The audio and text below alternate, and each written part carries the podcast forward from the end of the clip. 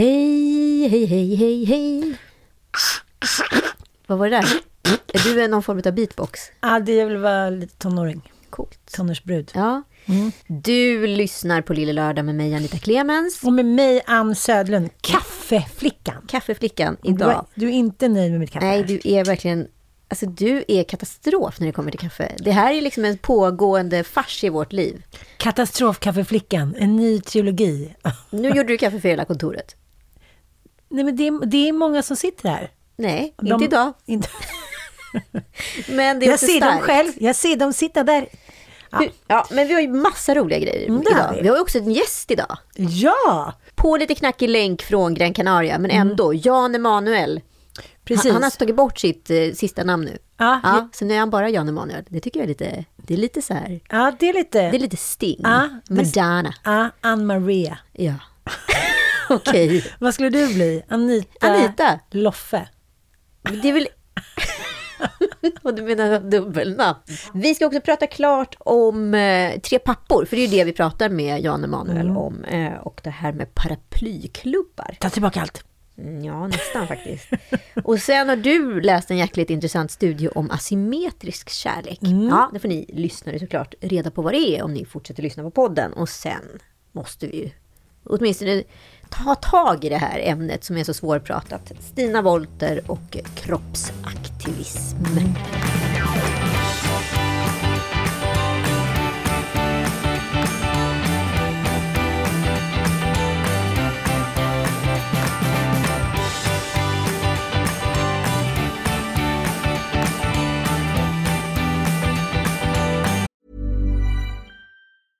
Hey, I'm Ryan Reynolds. Recently, I asked Mint Mobile's legal team if big wireless companies are allowed to raise prices due to inflation. They said yes. And then when I asked if raising prices technically violates those onerous two year contracts, they said, What the f are you talking about, you insane Hollywood ass?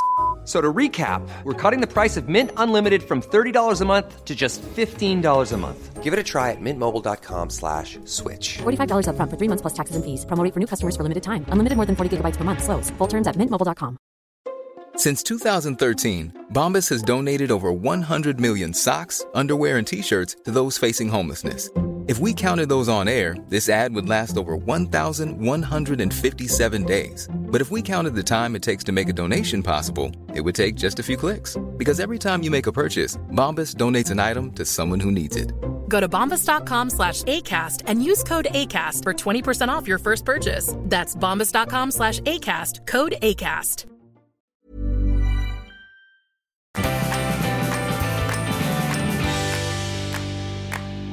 Ja, nej, men eh, mycket vatten hinner rinna under bron på en vecka. Jag lutar mig mot min kompis Sasha Antik eh, som är stylist när han en gång sa så här till mig. Nej men vet du en sak Ann? Jag har ändrat mig där. Man kan ändra sig, jag står för det. Ja, det var någonting vi dryftade om.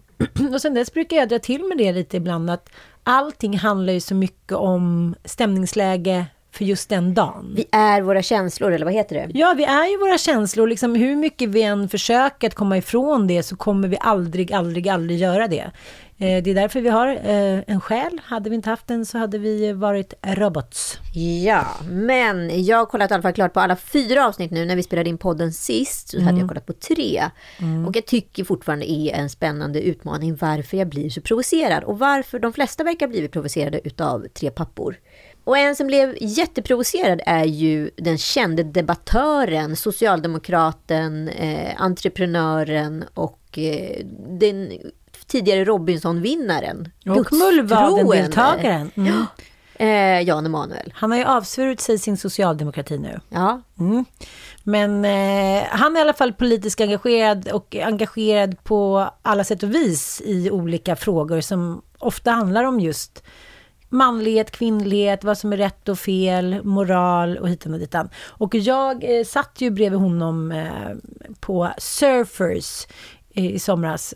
Liksom, vi var ett gäng och han satt bredvid. Och jag bara tänkte på det där hela kvällen. Han satt med två tjejer och en annan snubbe jag menar inte att jag kanske hade fokus på honom hela kvällen. Det var inte... Det är ju i och för sig svårt att inte titta på honom. Ja, det är han är ju så svårt. spännande. Men han är spännande för han är verkligen och vill ju vara, han, han, han profilerar sig själv som den moderne vikingen. Ja. Alltså, som de bilder han har skickat. Det är mycket skägg, det är mycket skägg och bitar.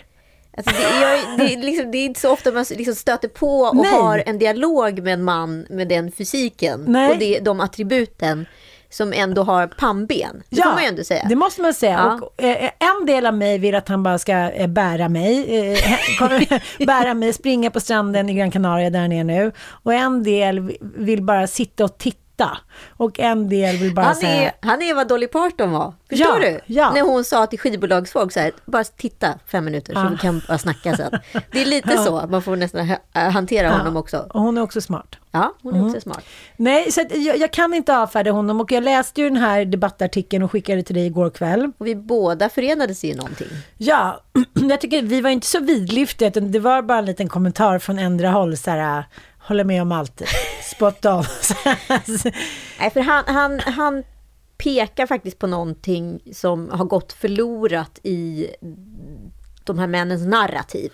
De sjunger, dansar disco, dekorerar en kakaoceremoni med blommor, är nakna och gråter tillsammans. De har löpstegsträning där de lär sig tipp, trippa, men måste stanna upp när en deltagare måste mata sin Pokémon. Jag undrar varför. Försöker förstå vad det har med att bli en bra pappa att göra.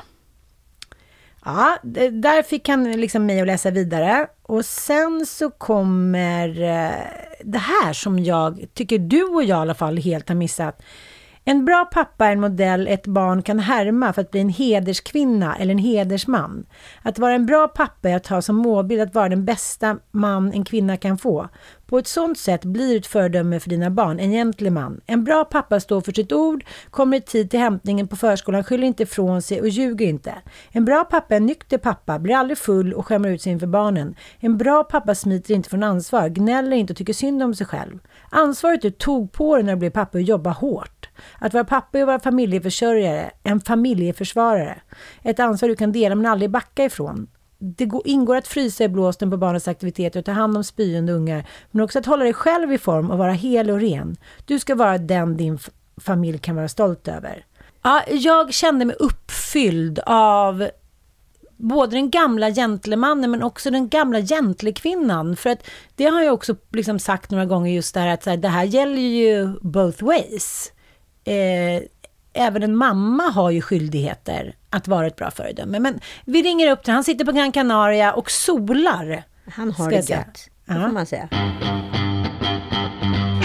Ja, i förra veckans podcast så pratade vi om tv-serien Tre pappor på SVT som har blivit väldigt uppmärksammad på olika sätt och vi pratade om det ur perspektivet att så här, var, varför är det så provocerande med mjukisar?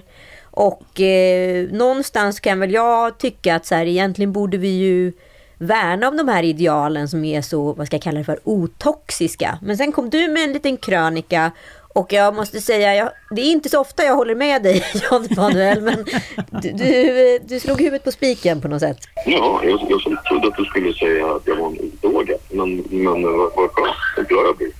Ja, jag, jag har liksom sett alla avsnitt nu och liksom lite vänt i min uppfattning om de här männen. Efter att jag läste din debattartikel så kände jag också så här att vad man tycker om eh, manlig toxicitet och vad man tycker om manlig mjukishet. Det är också väldigt mycket Eh, en, eh, vad ska jag säga, en eh, färskvara. Om man lever i en relation som liksom ena dagen så tycker man kanske att, att mannen har levererat och tycker man inte att det här behövs och så nästa sekund tycker man inte det. För att förra veckan under den här podden så hyllade jag ju det här programmet och tyckte liksom vadå det här är väl lösningen på allt. Varför mot liksom sätter vi oss det här och tycker det. Och sen när jag kollat lite till och läst din eh, debattkrönika så håller jag med dig eh, till mångt och mycket. Du skriver ju eh, det som fick mig att eh, ja, lägga ut den här artikeln. Det var ju att det egentligen är ju ingen problem att bryta ihop och gråta. Det kan man göra eh, lite när som helst, eh, både som pappa och man. Eh, problemet är ju för män idag att finnas där för sina barn när det verkligen gäller. Eh, varför skriver du det? Lutar du dig mot någon forskning eller är det bara egen evidens? Alltså det, det finns ju forskning som pekar åt olika håll. Eh, det lilla jag har tagit till mig det är att det finns ju ingenting som pekar på att barn mår bra av att se sina föräldrar bryta ihop. Nej. Det, det är lite av en chimär. Det barnen mår bra av, det som gör ett barn tryggt, det är just trygghet. Stabilitet är i stort sett ett annat ord för eh, trygghet. Ja. Men eh, stabil, stabila föräldrar som, som står vid sina ord, även om de är stränga eller de säger en sak som barnen håller med om, men att de står fast vid det. Eh, och också har värderingar. Värderingar är en otroligt viktig, eller kanske basen för, för oss som människor överhuvudtaget. Och att uppfostra barn utan värderingar, värderingslös uppfostran, det är direkt skadligt. Men, men de här lägren, eh, eh, för det första så är barnen inte med på lägren, för det andra tycker inte jag i och för sig att de vittnar om att de inte vill ha några värderingar. Det som jag tycker, du verkar tycka är problematiskt är att de inte är tillräckligt manliga. Det jag vänder mig emot är hela analyskonceptet gällande den toxiska manligheten. Det, man har helt enkelt haft lite otur när man tänker, när man gör den analysen med risk för att trampa folk på tårna. När man kommer till det toxiska hos en människa, det toxiska, det, det förgiftande, det är just när man har dåliga värderingar, man eh, agerar ut efter dem, vill säga man är en dålig man. Man kan till exempel vara ett äckel som slår en kvinna. Det är, det är ett typiskt tecken på en toxisk individ, en dålig människa. Det man glömmer bort, alltså många av de människorna som då använder sin styrka till att bli fascister, förtryckare, alltså den manliga styrkan. Det enda som håller de personerna borta ifrån att ta över är just männen. Det som gör oss till män, det vill säga det som vi gör att vi står upp eh, för, eh, även fysiskt, alltså som också gör att vi också kan bli våldsamma, vi kvinnor också kan bli det är ju manligheten som ju också försvarar landet, som försvarar sin kvinna och som försvarar våra barn. Att göra det här bättre, det betyder inte att du ska göra männen till mindre män. Utan det du ska göra det är att få bort det dåliga hos de dåliga människorna. Det finns ingenting som är toxiskt eh, i eh, manligheten som sådan. Utan det är helt andra saker man behöver anfalla.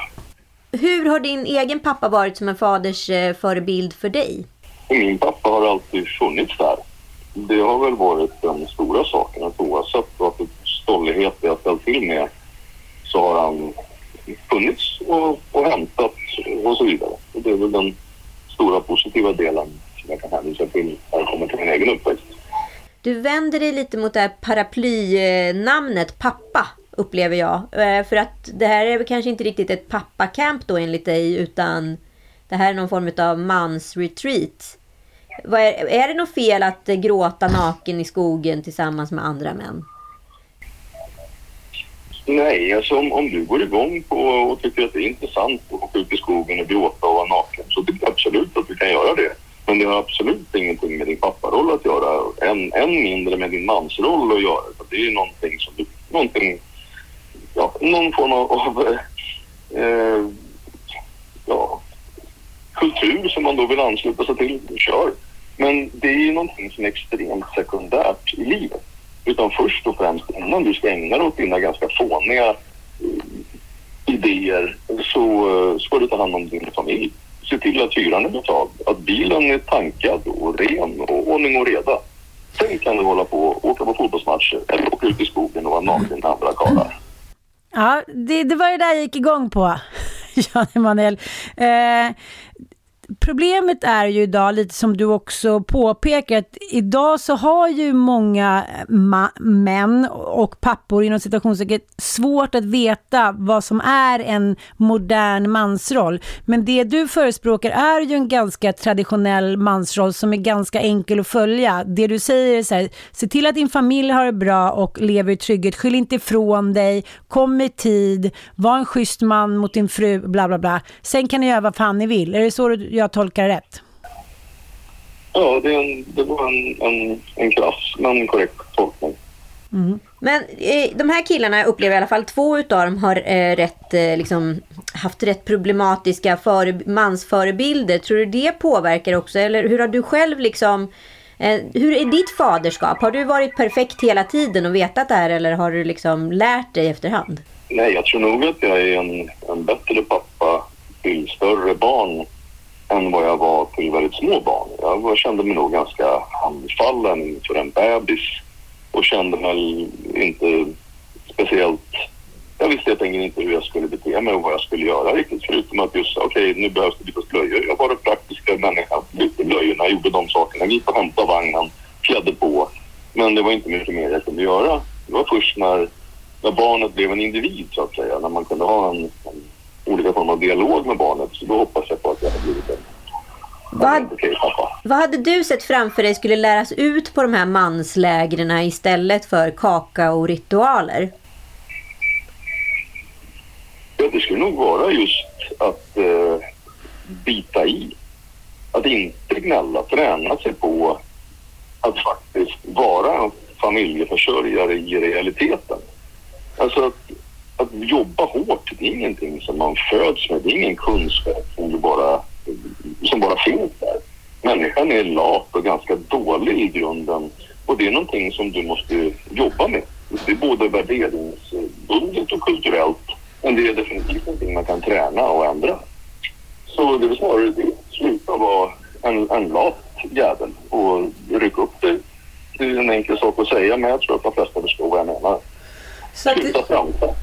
Så att istället för att åka ut på retreat, så här, ta reda på vad vi verkligen behöver göra för att bli en bra pappa och en bra förebild. Och sen så eh, jag håller nog med om det du säger, att idag ska allting gå ganska enkelt tror jag. Eh, särskilt för män. Att så här, innan levde vi i en patriarkal roll där, där männen var tvung, men inte behövde göra så mycket mer. Nu har det lagts till några punkter på deras lista och det verkar vara många män som inte riktigt mäktar med. Just på grund av att man kanske är slö. Det är faktiskt också min uppfattning om jag ska vara helt ärlig.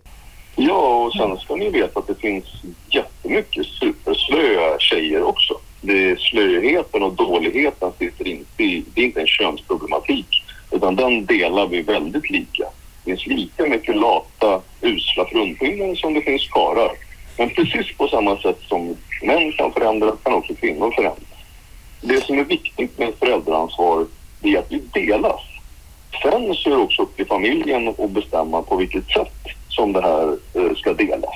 Men du får aldrig gå ut över barnet på ett sånt sätt så att det fattas en förälder. Det går inte att säga så här, nej men jag jobbar så hårt så jag är alltid borta och därför kommer ni inte se mig utan jag bara skickar en check varje månad. Det är inte ett pappaskap. Jan Emanuel, du är också god vän med Paolo Roberto. Hur har du liksom visat honom hur manlighet och ett pappaskap ska funka? Har det, på, har det liksom påverkat er relation? Eh, eller hur man ska säga? min roll som vän är inte att åka runt, eller min roll som man är inte att åka runt och försöka finger åt andra män och säga så här. Så här tycker jag att du ska vara så blir du en bättre pappa. Utan jag försöker att vara en god vän, bete mig så som jag tycker en god vän eh, ska vara. Och just det fallet med Paolo så visar jag på att även när man gör bort sig så ända in i Norden så eh, finns riktiga vänner kvar. Det vill säga att jag tycker fortfarande om dig som människa. Jag avskyr det du gjorde, men det, det, du, det du är som människa tycker jag om. Och det är som, som en del brukar säga utan att göra några andra som helst liknelser att Gud älskar människan men hatar synden. Och om du är troende och inte lever efter de grundläggande kristna värderingar, ja då tror jag inte din kristendom är värd speciellt mycket. Vill du lägga till någonting eh, till alla eh, pappor och mammor ute? Det där tycker jag också är en intressant eh, aspekt av det hela. Att det, man får, det är väldigt eh, tabu att klanka ner på slöa mammor. Det ska man också veta att den här debatten styrs ju ideologiskt ifrån eh, ett feministiskt perspektiv och har gjort så under en ganska lång period. Uh-huh. Vi, ska, vi, ska, vi måste ju känna till att även de mest grundläggande begreppen som vi slänger oss Ta till exempel begreppet machoman. Machoman är egentligen ett sätt där man lyfter fram de traditionella mansrollsvärdena som mod, uthållighet, eh, liknande.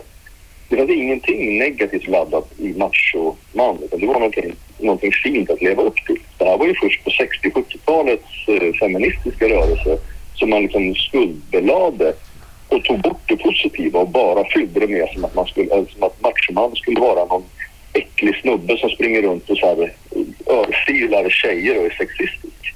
Det är helt enkelt inte så som det var utan man ska komma ihåg att vi har den feministiska rörelsen har eh, inte bara gjort gott. Tror du att vi har nått kulmen på liksom Vogue-eran nu med den här serien? Tror du att den här, vad ska vi kalla det för, allt från cancelleringskultur till liksom det feministiska anslaget, tror du att vi kommer liksom mötas någonstans nu och börja föra en diskussion istället för en debatt?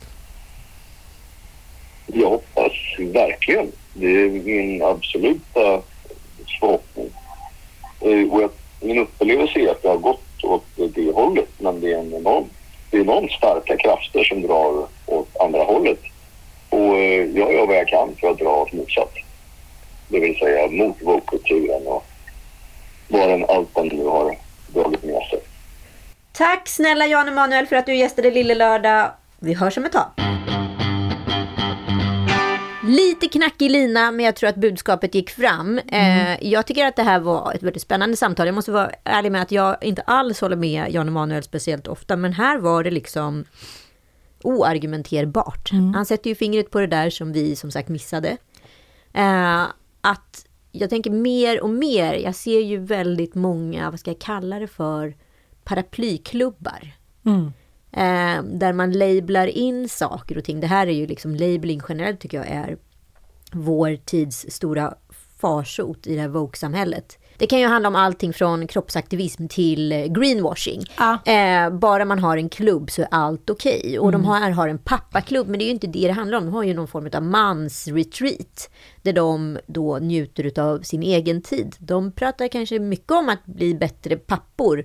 Men att prata, det är ju lite som att gå på, på en eh, workshop och diskutera vad man ska göra på jobbet och hur man ska förbättra saker och ting. Men om ingenting sker efter den workshopen, om man sen går tillbaka till arbetsplatsen och inte gör några förbättringar, då är det ju fortfarande bara ett jävla ordbajseri. Mm. Fast jag tycker, det som jag eh, inte håller med Jan Emanuel om, jag tycker inte att det handlar om det här lägret. För för mig blir det ganska tydligt att där är tre snubbar som kanske inte är svinbra på paddel. De blir inte golf, de vill inte liksom åka och så här... Vet, Nej men det behöver inte alla på, män på göra. brudar i liksom Polen. Utan så här, det här är deras ursäkt för att få göra någonting utanför liksom vardagen. Och det, nu blev det ett mansläge för då kunde de få uppmärksamhet. För det här är ju inte snubbar som kvinnor eller män vänder sig om på stan. Det här är inte snubbar som man ger liksom förtroendeuppdrag liksom bostadsrättsföreningen. Det här är deras sätt att få liksom visa att det finns en annan sorts manlighet för vi kan inte leva upp till den andra. Nej, och jag, jag, jag, jag, köper hela argumentet för det är ingen som skulle reagera på ifall ett gäng kvinnor åkte iväg och skrek och mediterade och var nakna i grupp. Och... Gjorde jag för två år sedan. Ja, men exakt. Och det Hade kläderna ingen... på sig. ja, men det är ingen som reagerar på det. Men vi kanske inte behöver kalla det för mamma-retreat, eller? Nej, nej, det jag... är sant. Men jag tycker så här, det är inte själva, det är som du säger, det är ju inte paraplyt som gör att de åker dit. Det är bara för att de ska få en ursäkt att åka dit. Ja, men precis som han säger, Jan Manuel, att så här, man kanske inte kan coacha ut eh, liksom att vara en ansvarsfull pappa på under den här, under den här taken. Alltså, nej, nej, nej. Det, det är liksom, och egentligen är det där män behöver hjälp mm. idag. Mm. För kan du inte betala räkningarna, kan du inte ta hand om barnen, kan du inte hämta, lämna, kan du inte vara närvarande, är du inte på med på skolavslutningar, är du inte klassfarsa, mm. för det är ju mm. aldrig några jävla farsor som är det, förlåt. Eh, go fuck yourself, på riktigt. Mm, mm. Det är där det sitter. Det är det jag menar. Och den här offerrollen som jag tycker att många män har antagit, liksom uh, in the name of uh, att de liksom, att de har för mycket krav på sig. Det handlar ju väldigt mycket om, tycker jag, dels att de är så här, Jaha, vad då ska jag steppa upp nu? Mm, jaha, men det har ju inte liksom min farsa gjort. Att man, så här, man kan inte spegla sig i sin egen uppväxt, utan man bara här, gör en copy-paste på den. Liksom. Men det så... Fan, Jan Emanuel, I fucking love you helt plötsligt. När han säger att det handlar om att både män och kvinnor är slöa. Ja. Det här moderna samhället, du kan trycka på en knapp, du kommer liksom Foodora, man har städerska, nu menar jag absolut inte alla, men även om man inte har en bra ekonomi så kan man komma undan liksom, att leva ett ganska slött bekvämt liv. Unga killar och tjejer, det är mycket med datorn, telefonen. Jag märker det på liksom nästa generation. Man, men vadå, jag försöker tänka ut vad jag vill göra. Stressa inte mig. Man bara, Jag ska fundera på vad jag ska bli när jag blir stor mentalitet. tänk om vi hade sagt det. Nej, För men det fan, det var ju gått. liksom senap i röven och sen ut. Precis så. Jag Nej. och katten, vi fick båda varsin liten klick. Nej, men eh, det jag menar är så här, han sätter ju liksom, han drar ett streck under någonting som kanske ingen vill erkänna, för då kanske man börjar ifrågasätta det livet. Jo, det, det finns ju många slöa karlar där ute. Ja, det, det finns många slöa kvinnor där ute också, men liksom det, här, det här är ju på någon... Det som har hänt med den här dokumentären, det är ju på någon, något sätt liksom kulmen utav woke-samhället.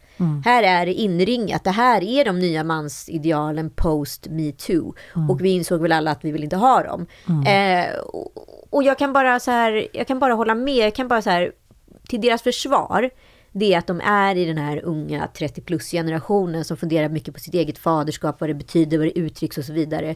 Och Och jag- det ska de ha cred för. Ja. För det är inte så jävla vanligt. Nej, eh, och man funderar väldigt mycket på det. Man gör en inre inventering utav sig själv. Man gör också en inre inventering utav sitt, sin uppväxt och föräldraskap. Och det kanske faktiskt mer män borde göra. Alltså där tycker jag att de är rätt på Ja. det.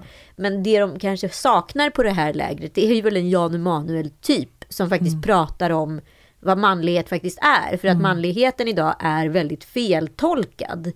Eh, det betyder inte att man kanske nödvändigtvis vill, behöver eller vill se ut som Jan Emanuel, men jag tycker det han har i sina eh, ord där, det är att han pinpointar någonting som de flesta män idag är rädda för. Ansvar. Jag känner skuld. Ja. Det här är första gången som Bullen, Bullserius, är hemma själv ett tag. Stackars Bullen. Nej, men jag känner så här, jag, kommer han må dåligt? Kommer han känna sig liksom övergiven? Mamma kan ta hand om Bullen. Jag, jag kommer med lite extra mat.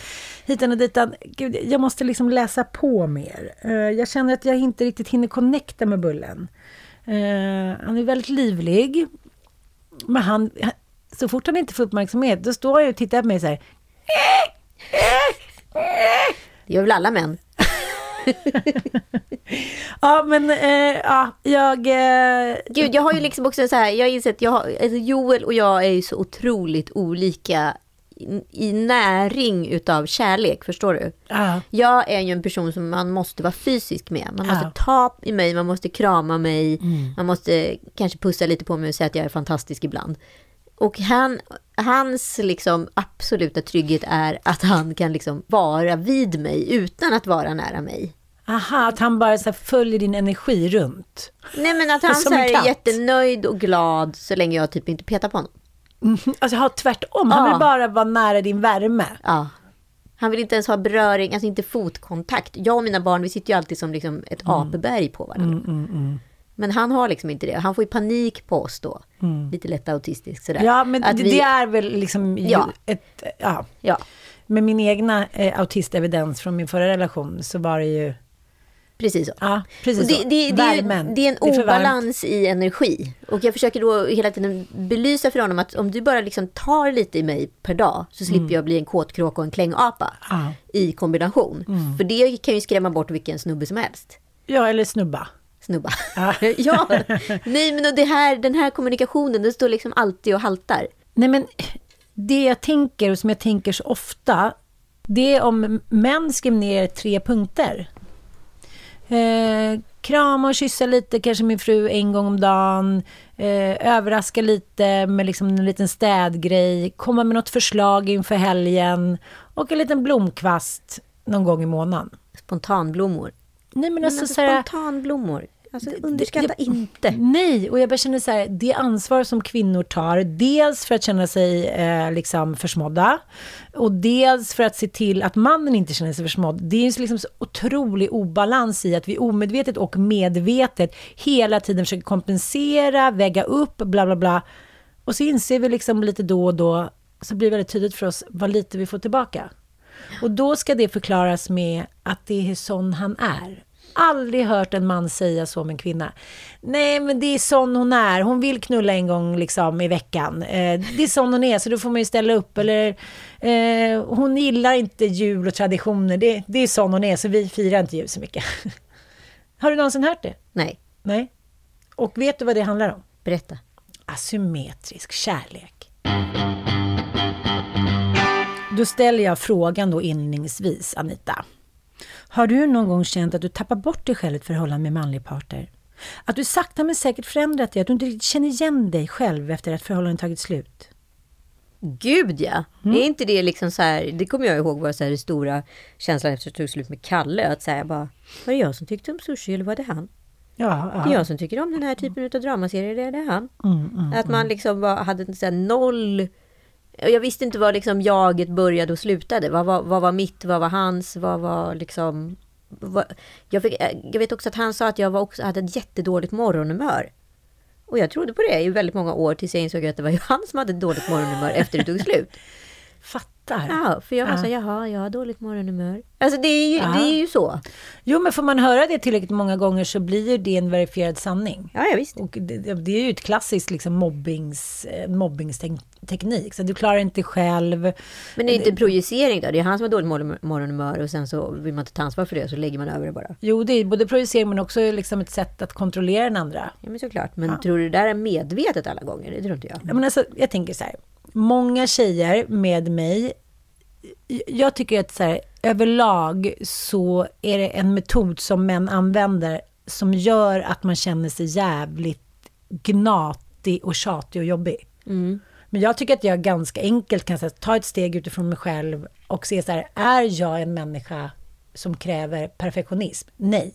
Vill jag ha liksom en lägsta nivå som ändå är så här härlig och dräglig så att vi alla trivs? Ja. Men ändå ska man ändå framställa som så här, jag menar att man är en jobbig jävel för man tycker så här, kanske skulle vi kunna torka ut toalett, eh, liksom bajselånigt? Kan vi liksom eh, stoppa undan eh, köttfärssåsen? Alltså att, att, att, att det är sådana enkla... Ja, du fattar vad jag menar. Eller så här, ja, ja. Då kanske du kan vänta Men- in mig när vi knullar så jag också hinner och så här. Alltså det är bara sådana grejer som jag tycker så här, eh, det är jag till dig, då tycker jag så här, då kan väl du ge till mig. Du behöver inte ge lika mycket. Jag är, tycker om att ge, men det måste väl ändå vara lite balans. Och då Ja, ja, tycker jag att jag ja. framställs som någon som ställer otroligt höga krav och är jobbig och vill göra allting hela tiden och är knasig. Ja, men sen har det också, det är där jag tycker liksom bristvaran i de flesta relationer, inklusive mina egna, har ju alltid varit kommunikation. Och sen att man pratar så olika. Det här är så platt att säga sådana saker. Men ett ex exempelvis, han, han vad heter det, gav mig alltid frukost på sängen. Och jag hatar egentligen frukost på sängen. Det är Gör typ det värsta jag vet. Ja, men vadå, det blir smulor och man får någon lite för lite för liten tallrik och så kommer det liksom upp ett djur eller vad fan det nu kommer upp liksom, och sen är det inte mysigt längre. Ja men så har spillt kaffe Kommer upp en överallt. råtta Liksom. och då är det inte mysigt längre. Men, alltså, handlar, men- handlar det här om kontrollbo hos dig eller om att frukosten inte var tillräckligt bra? Nej, men det, ett sammelsurie Ja, utav kontroll skulle jag säga Ja. från mitt håll. Eh, där jag gillar att så här, ja men idag är inte jag kanske sugen på exakt samma grej som jag var sugen på igår. Nej, jag är också jag har också köpt, ja exakt, jag är lite fr- frukostfascist sådär. Ja, och eh, till sist så sa han så här, det vore så himla trevligt att du bara någon gång kunde göra en kaffe åt mig och servera den på sängen. och jag var så här, wow. Ja. Eh, Ring Madame Tussauds. Nej, jag blev helt så här chockad. Och då förstod ju jag efter lång tid då att det är det han har försökt kommunicera med, att ge mig frukost på sängen. Men i och med att jag hatar frukost på sängen så ligger ju inte det i mitt DNA då att ge någon annan frukost på sängen. Under tiden han då älskar frukost på sängen, vilket då i, i hans fall bestod av en kaffe, eh, så var ju det han ville ha. Men istället för att säga det så blev ju det en anklagelse när det väl levererades. För då tycker han att han har stått här i vakt och gett mig uppskattning och frukost på sängen. Men aldrig fått någonting tillbaka. Eh, men vad, vad, vad, är det asymmetriskt eller?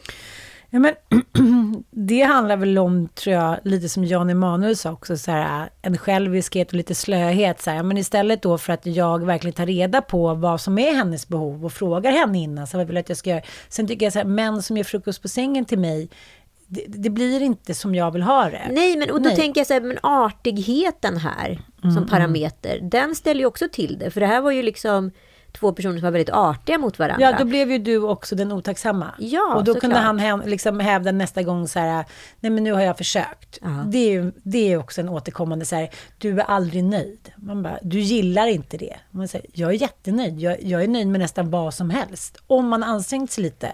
För att bara göra saker schablonmässigt för att det ska vara så. Du vet, ingenting gör mig mer avtänd.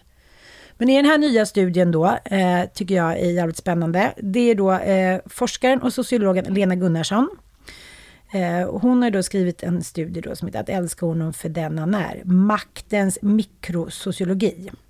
Och det hon har tittat på är jämställdhet och makt i heterosexuella västerländska relationer. Och då eh, resultatet är slående. Hon eh, jämför det då med en jättestor studie av Karin Holmberg.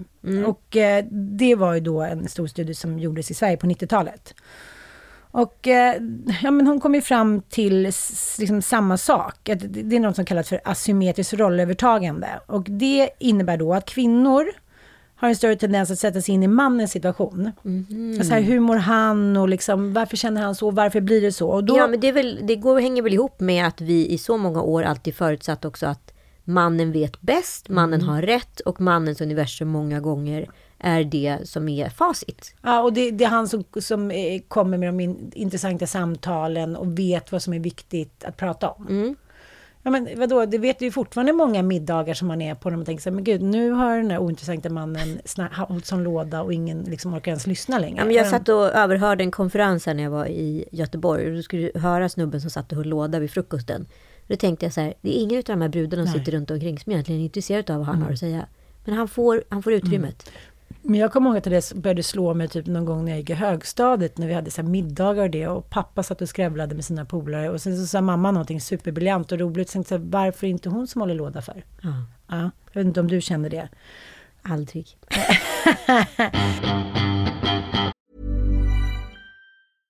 This is Paige, the co-host of Giggly Squad, and I want to tell you about a company that I've been loving, Olive and June. Olive and June gives you everything that you need for a salon quality manicure in one box. And if you break it down, it really comes out to $2 a manicure, which is absolutely insane. It's also so easy to get salon worthy nails at home with Olive and June. The difference between how your nails used to look when you did them yourself and now with the Manny system is a complete game changer. The best thing about Olive and June too is it's a quick dry. Dries in about one minute, lasts for five days, and full coverage in up to one to two coats. Visit oliveandjune.com slash perfectmanny20 for 20% off your first system. That's oliveandjune.com slash perfectmanny20 for 20% off your first system system. Mom deserves the best, and there's no better place to shop for Mother's Day than Whole Foods Market. They're your destination for unbeatable savings, from premium gifts to show-stopping flowers and irresistible desserts. Start by saving 33% with Prime on all body care and candles. Then get a 15-stem bunch of tulips for just $9.99 each with Prime. Round out Mom's menu with festive rosé, irresistible berry chantilly cake, and more special treats. Come celebrate Mother's Day at Whole Foods Market. Jag brottas med mig själv varje dag för att göra min son mer självständig. För att jag, dels upplever jag att han är väldigt mycket yngre i Ja. sättet än vad min dotter var när hon var åtta år. Alltså min dotter bad om att få gå till skolan själv och övertygade mig om på ett väldigt bra sätt att hon kunde klara det. Och jag, tänkte så här, hon är alldeles för liten, hon är alldeles för liten. Men hon gjorde det och visade att hon klarade det. Men, Men vi gjorde ju det. Det är klart vi gjorde, vi fan, vi gjorde väl allting för att vi var hej, fem jag är år. vid sjö- flyttat till, till, till en sjöbo typ. Så jag Men kanske mina föräldrar hem. båda flyttade hemifrån när de var 14. Jag flyttade hemifrån när jag var 15. Alltså, så här, det, det är klart att man klarar det, men man inte får den möjligheten. Sen ser ju samhället såklart annorlunda ut än Ja. jämfört med när vi växte upp. Men det jag vill säga är i alla fall att eh, nu har min son visat liksom lite tecken på frigörelse, att han vill börja klara saker. Jag har inte sett de tendenserna Ja. innan. Och nu tänker jag så här, och det första jag kände som instinktivt var ju så här, nej det går inte. Han får vänta ett år. Det klarar ni inte. Det klarar han inte. För mamma, in och peta. Och då peta. måste jag ju jobba så jävla hårt med mig själv här. Eller hur? Peta den. Nej, jag måste ju så bara Jag vet. låta det ske.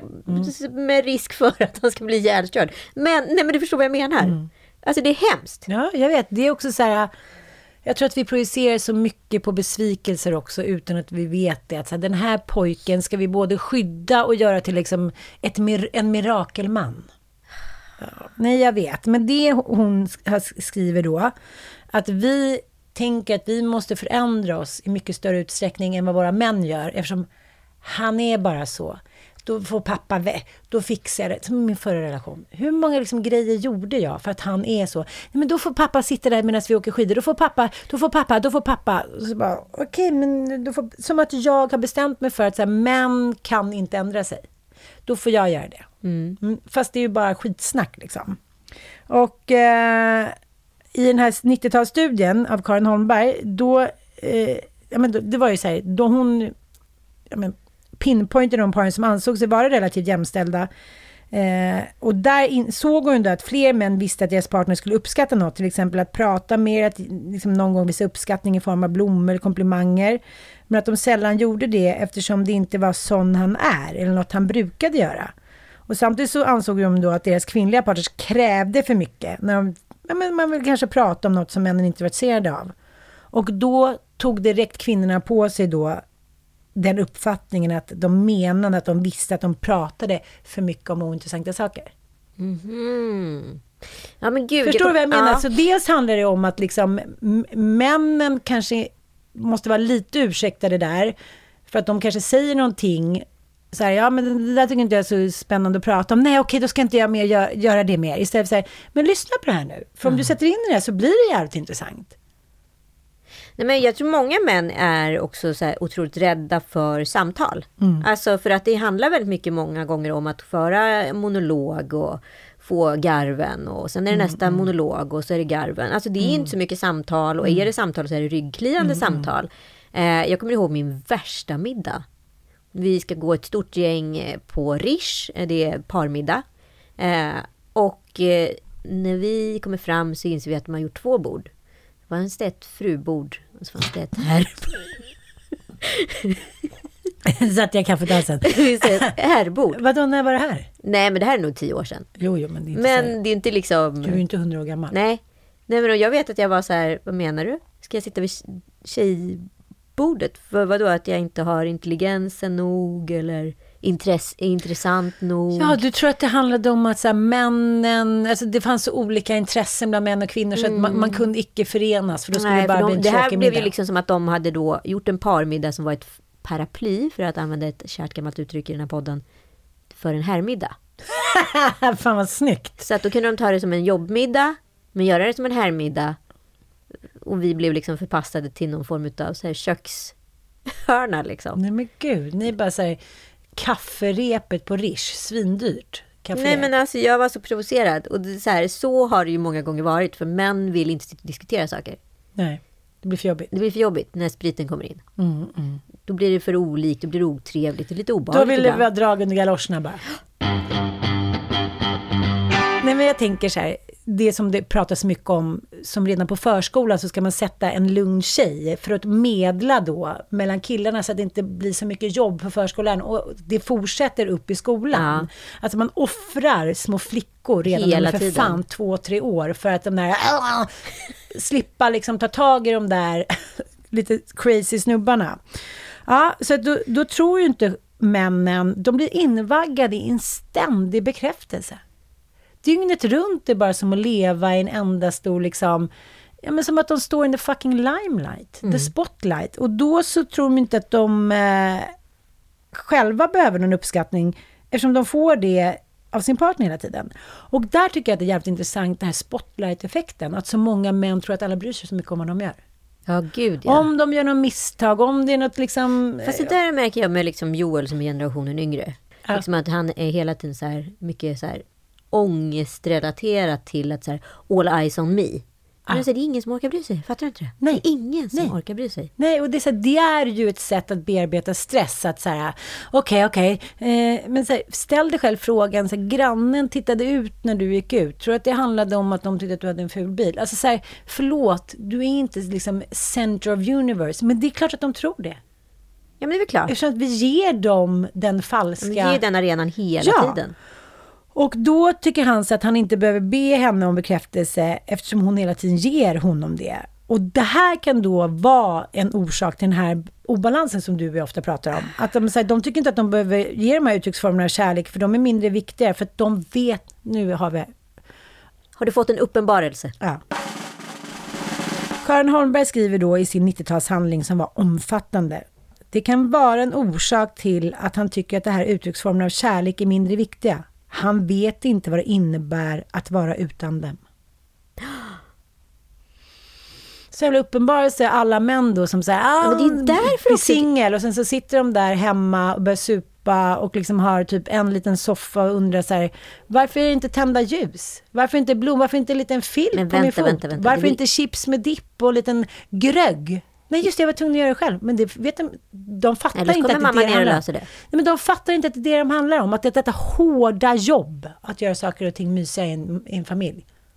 Nej men om inga män som är i relation lämnar väl utan att det finns redan en annan kvinna som står och väntar där. Nej, alltså någon sorts av kvinna. Psykiatriker, någon man kanske kan ha lite på jobbet eller någon som man redan fysiskt har liksom... Inlett en i- relation med. Ja, men det finns en annan kvinna som alltid är orsaken till varför en man lämnar, om en man lämnar för en kvinna lämnar. Ja, det här är förklaringen det till här är det. förklaringen. De är beroende. De, vet, de kan inte vara utan det för att de vet inte vad det innebär. Nej. För då blir allting kallt, mörkt, grått och de kan inte identifiera varför. Mm. Då så här, är asymmetriskt rollövertagande ett problem då Anita? Ja, jag antar det. Ja.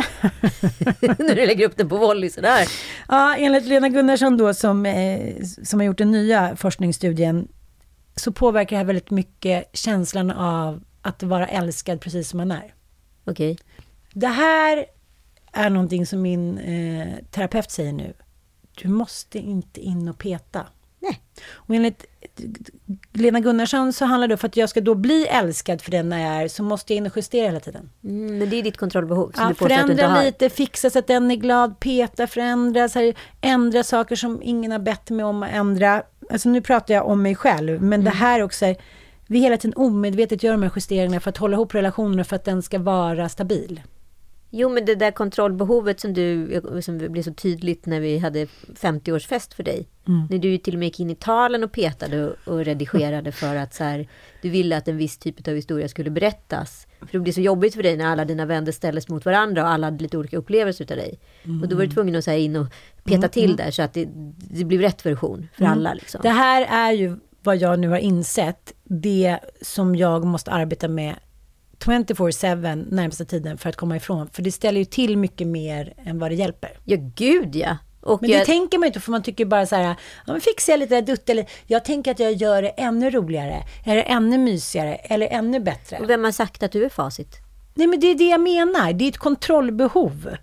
Som du säger, det är så här, då känner jag att då håller jag kontroll lite där, då, då leder jag in lite så, då ser jag till att då ska barnen gå i den skolan. Då så, mm, mm, att bara släppa det och liksom, jaha, vad händer då? Ja men precis, och det här är man ju, får man ju liksom stångas med hela tiden. Jag som också har- en helikopterperspektiv mammaroll som jag försöker verkligen, jag försöker ta mig ur den här helikoptern.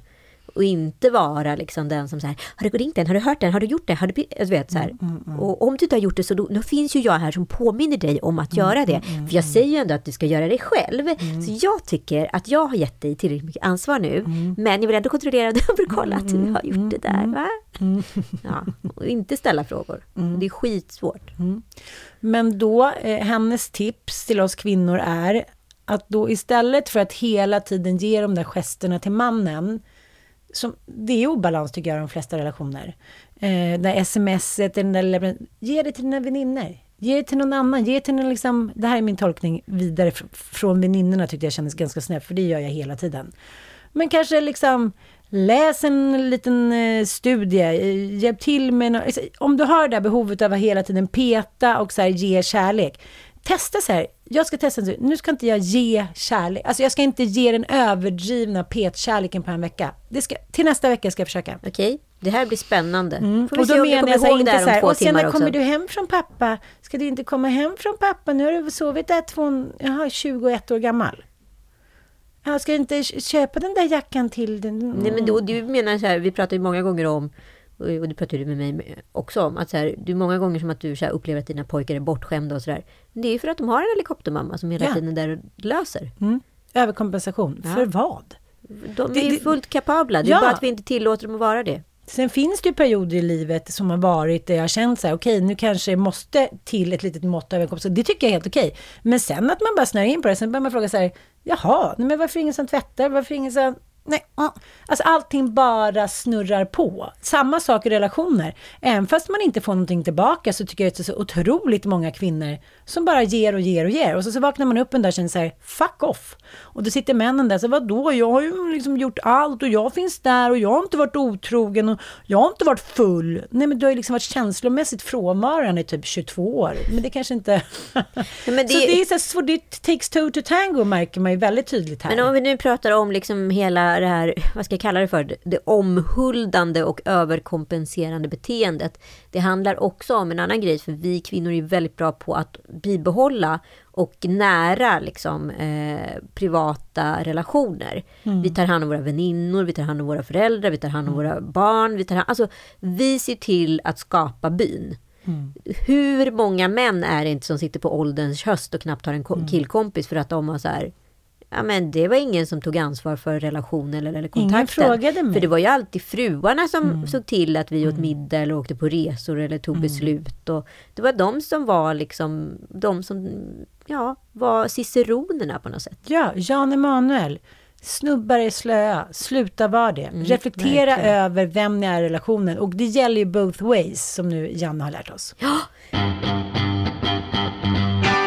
Och med det sagt så vet vi inte om kroppsaktivismen idag är en slöhet eller om det faktiskt är ett nytt sätt att hantera sin samtidsångest. Ska vi verkligen ge oss in i det här? Kom du ihåg, hur länge sedan är det nu? Fem år sedan, när hon, Stina Wolter, gjorde anonyma stories om två poddkvinnor.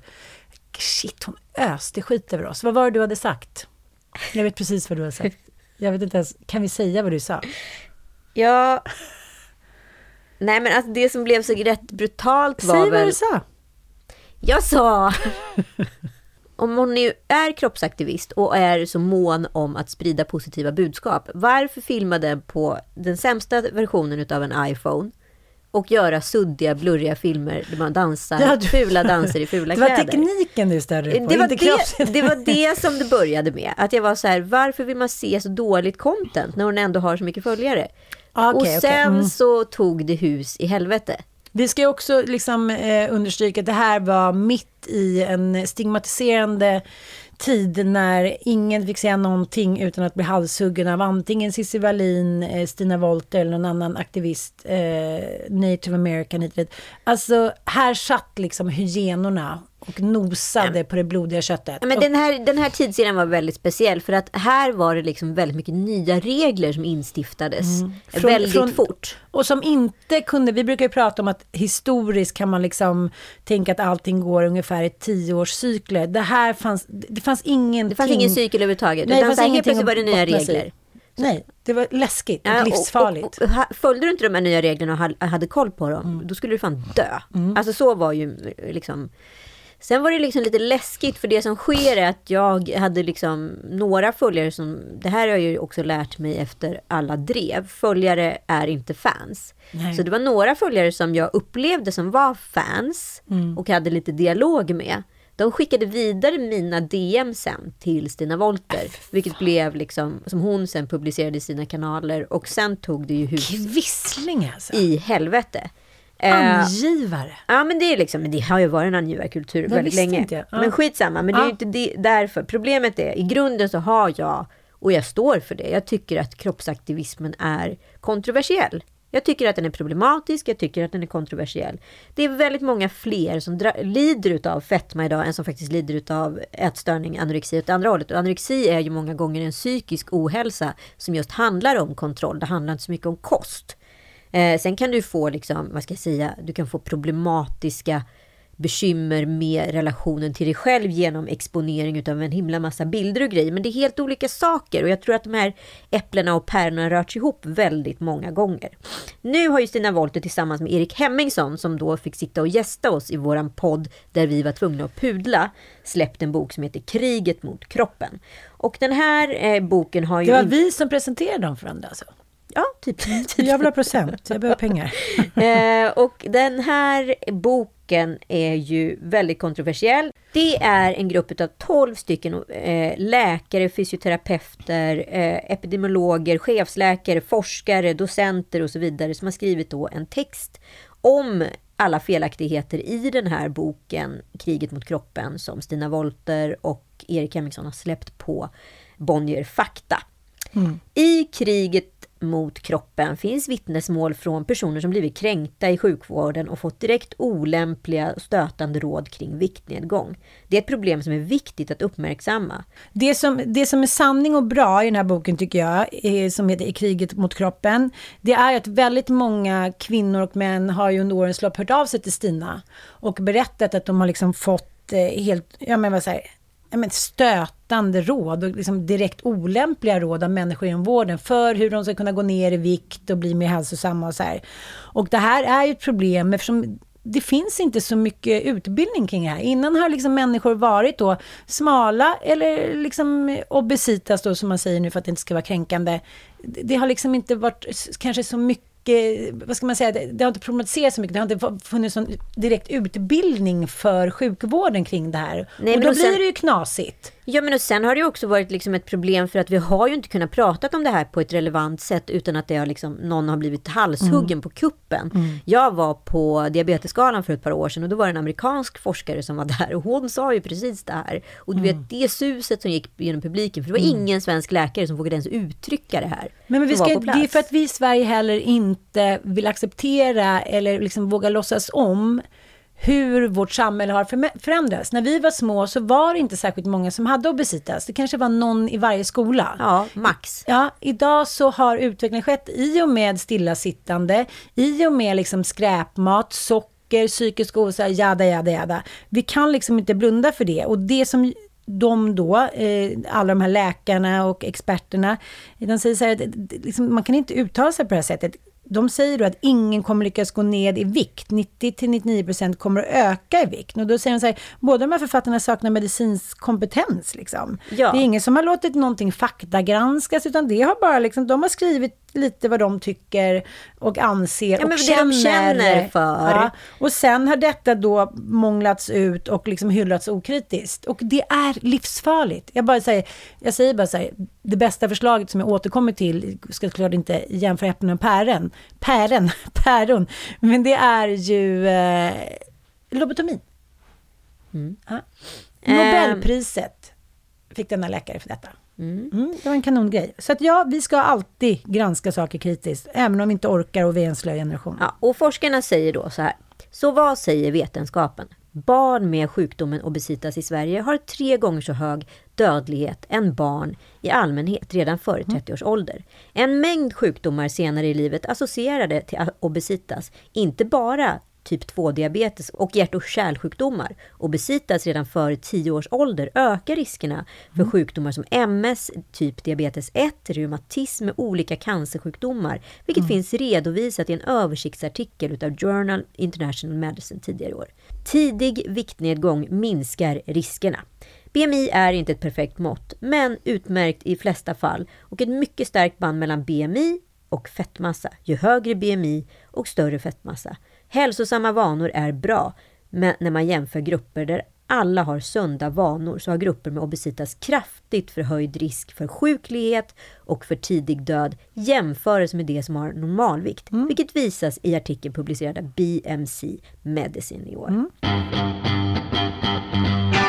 Ja, nu vill vi bara säga sammanfattningsvis vad de här läkarna säger och sen måste vi gå lite in på Stinas svar på det här också. Sammanfattningsvis finns det två sidor av myntet som måste hanteras. Mobbing, kroppsfixering och dåligt bemötande både i vården och samhället generellt behöver påtalas så att vi alla kan hjälpas åt att minska dessa problem. Men att blunda för verkligheten är ingen bra lösning. Obesitas är farligt från tidig ålder och kroppsaktivism ska inte hindra personer med allvarliga viktproblem att få behandling som krävs för att minska sjuklighet och för tidig död. Det är djupt olyckligt att seriösa medier helt utan källkritik sprider desinformation inom ett centralt område för folkhälsan.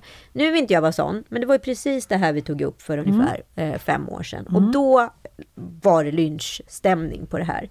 Stinas konto och kroppsaktivismkonto handlar ju, är ju en hommage till hennes syster som har gått bort i anorexi, vilket man fick höra i hennes sommarprat som var jättegripande.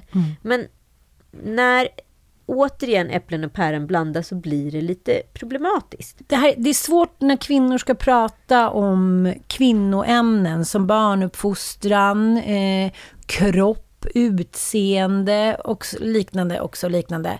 Men, men det som är sanningen är ju att Stina Wolter är ingen expert inom ämnet. Hon är känslomässigt engagerad och har erfarenhet på grund av att hon har en fantastisk dialog med väldigt, väldigt många människor där ute. Och det är liksom en otrolig så här, gärning hon gör, men hon är Gud, ju ja. ingen expert. Deras försvar är då att de börjar med att avfärda vår kompetens, skriver de. Så här ser vår bakgrund ut. Erik Hemmingsson har forskat på besidas över 20 år. Och Stina Wolter är en skarpsinnad, lyhörd och djupt reflekterande kreatör av vår samtid. Och boken är faktagranskad. Ja, um, nu når vi slutligen en helt central punkt. Vikten påverkar hälsan, ja. Men det gör även mobbning, stigma, kroppshat, diskriminering och utanförskap. Här behöver många aktörer hitta nya vägar framåt så att den ena ambitionen inte förtar den andra i en svårlöst målkonflikt. Vi kan inte blunda för det faktum att många, säkert unga, far oerhört illa i den vikthets som råder. Det har de ju helt rätt i. Men Mm. det andra sidan av myntet är ju att så här, varför ska vi liksom stödja ett samhälle där barn är så otroligt överviktiga? Jag kommer ihåg när jag reste hem från Italien för några år sedan eh, och då var det ett konfirmationsläger där med ett gäng 14-åringar. Jag var helt i chock. Och det är hemskt att behöva säga. Jag skulle säga att 80 procent av den gruppen barn var gravt överviktiga. Eh, de flåsade när de gick.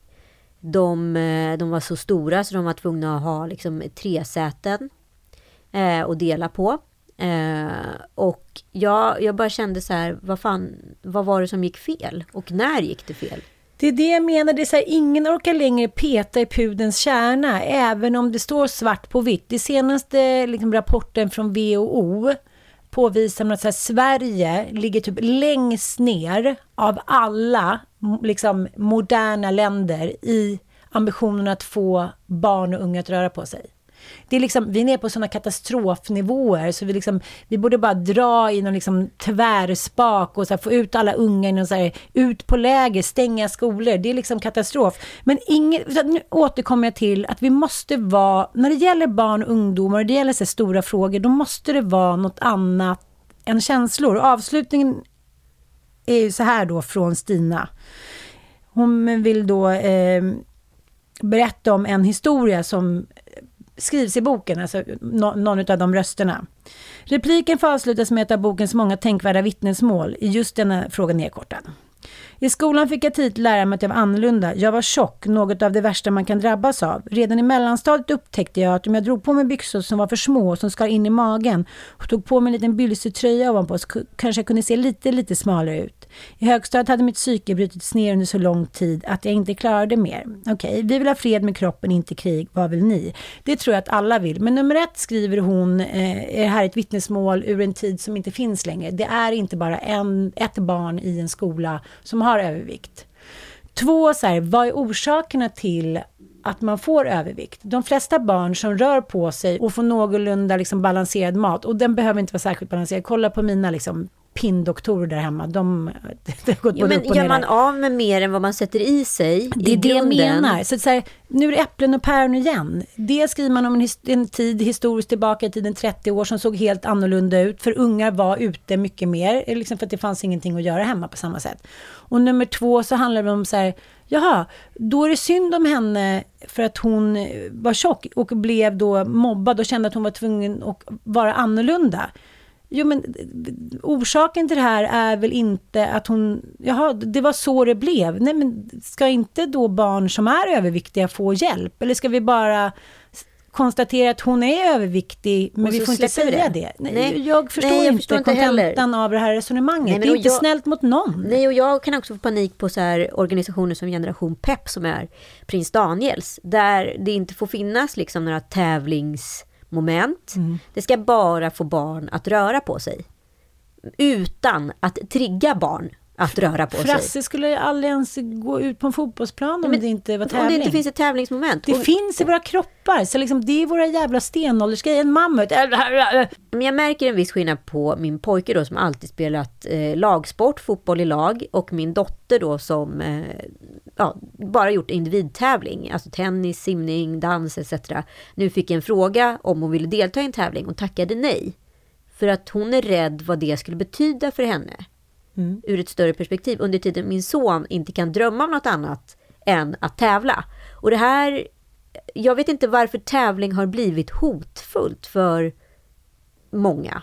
För Nej. att tävling ska ju vara något positivt och Hela samhället är ju en tävling. Så Ja, och varför tävling- får man inte ha tävling när man är liten? Jag fattar inte tränar ju en i förlust. Och förlust är den viktigaste känslan du kan träna på.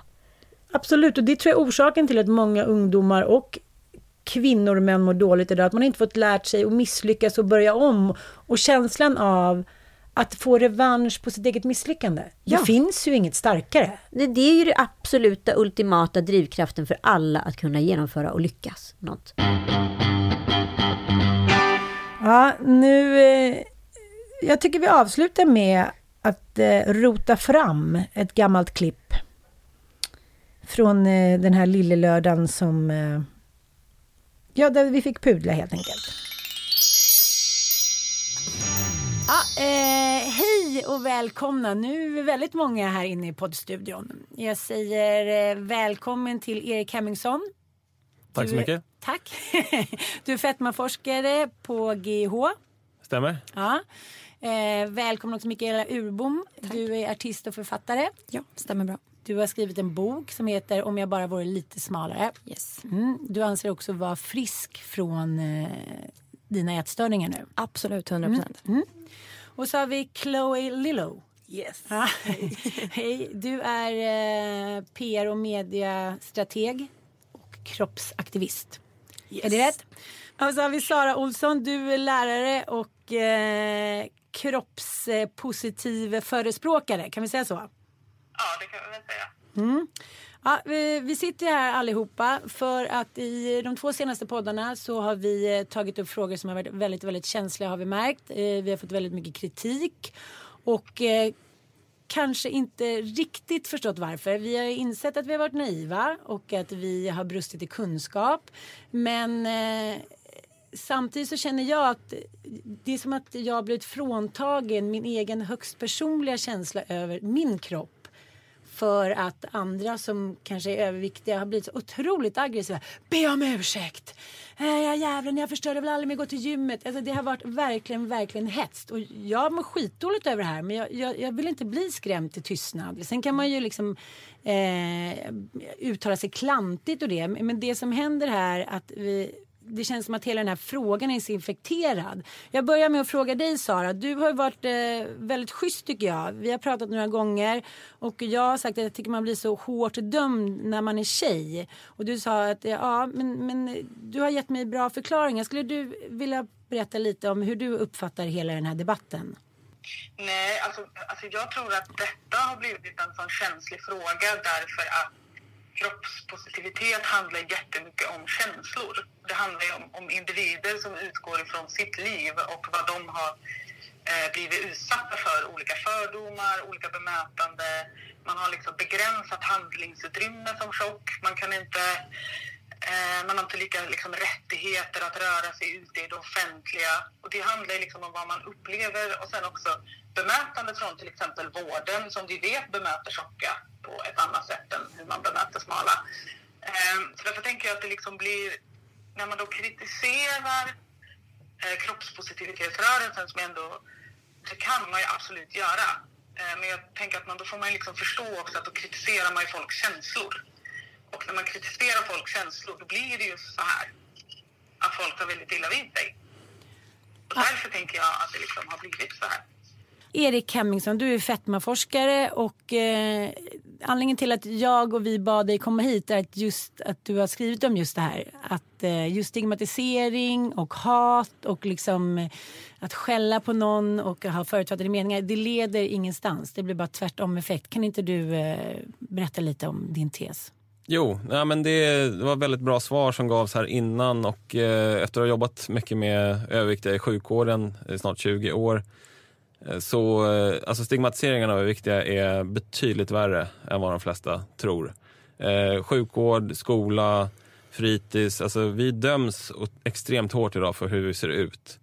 Eh, och det kommer bara spä på den här skuld och skamkänslan som många överviktiga bär på eh, låg självkänsla och så vidare kommer leda in i en, en hel del andra galna beteenden. Eh, inte minst det här med bantning och eh, kroppsfixering.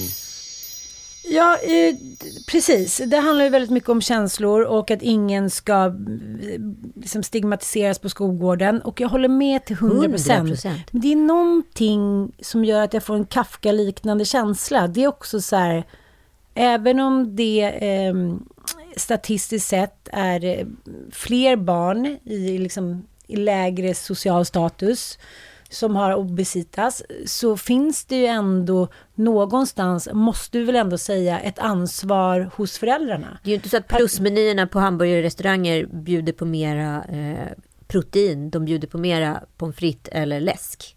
Ja, det är det jag menar. Och så här, jag fattar att det är en enkel väg ut. Jag menar, om jag ska liksom gå och handla mat på ICA i Alvik till mina fem barn plus flickvän plus några två små polare så är halva priset för mig att åka till Donken. Såklart. Och köpa. Det är klart att det är lockande, särskilt i perioder när man har mycket och sådär.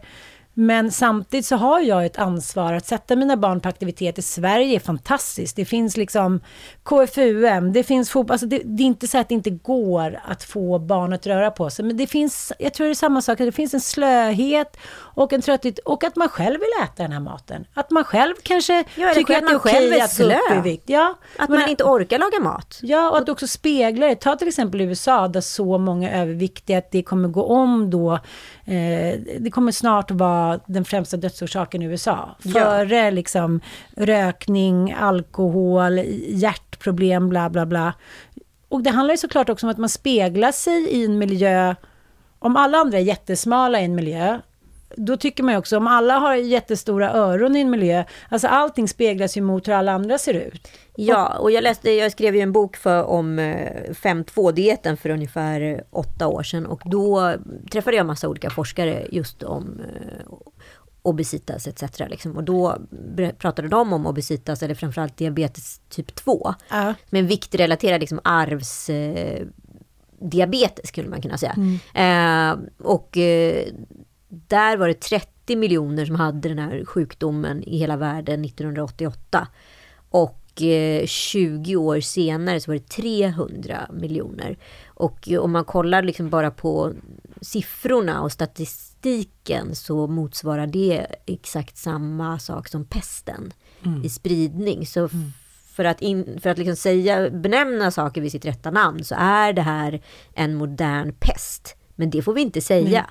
Aldrig hört någonting av, av vare sig av Stina Wollter eller av Erik eh, att just så här, försöka liksom sätta någon form av ansvarsroll på de vuxna.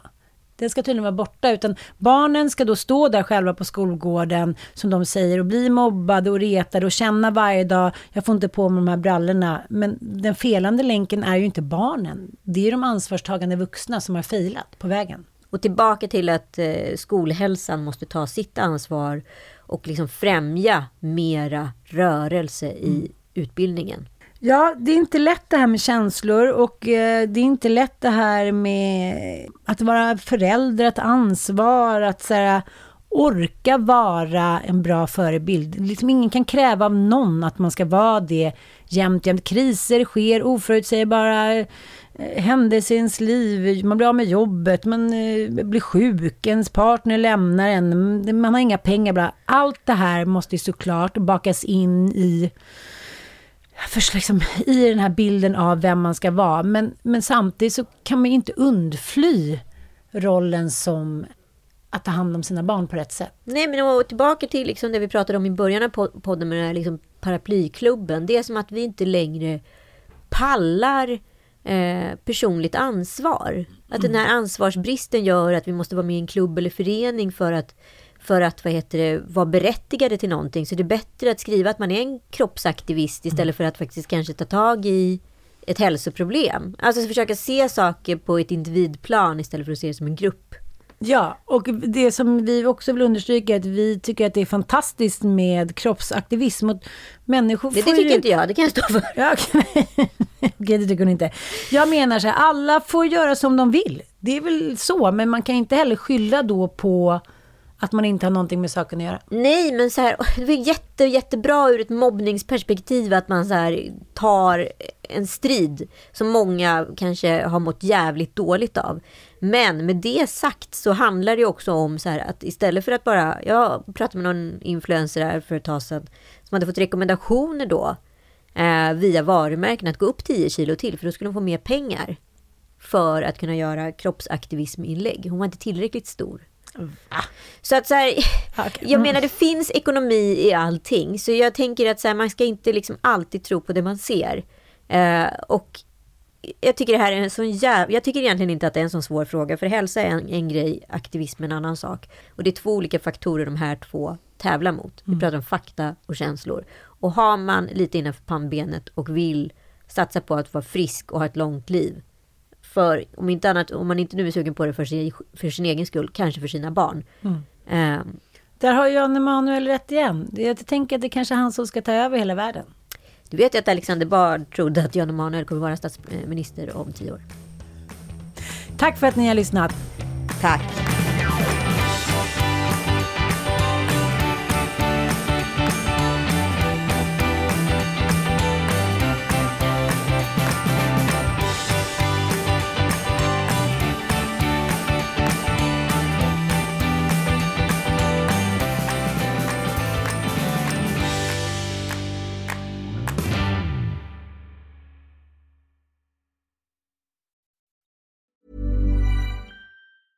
A lot can happen in the next three years. Like a chatbot may be your new best friend. But what won't change? Needing health insurance. United Healthcare Tri Term Medical Plans are available for these changing times. Underwritten by Golden Rule Insurance Company, they offer budget friendly, flexible coverage for people who are in between jobs or missed open enrollment. The plans last nearly three years in some states, with access to a nationwide network of doctors and hospitals. So, for whatever tomorrow brings, United Healthcare Tri Term Medical Plans may be for you. Learn more at uh1.com. Hi, I'm Daniel, founder of Pretty Litter. Did you know cats tend to hide symptoms of sickness and pain? I learned this the hard way after losing my cat, Gingy. So I created Pretty Litter, a health monitoring litter that helps detect early signs of illness by changing colors, saving you money and potentially your cat's life. Pretty Litter is veterinarian developed, and it's the easiest way to keep tabs on your fur baby's health right at home. Go to prettylitter.com and use code ACAST for 20% off your first order and a free cat toy. Terms and conditions apply. See site for details.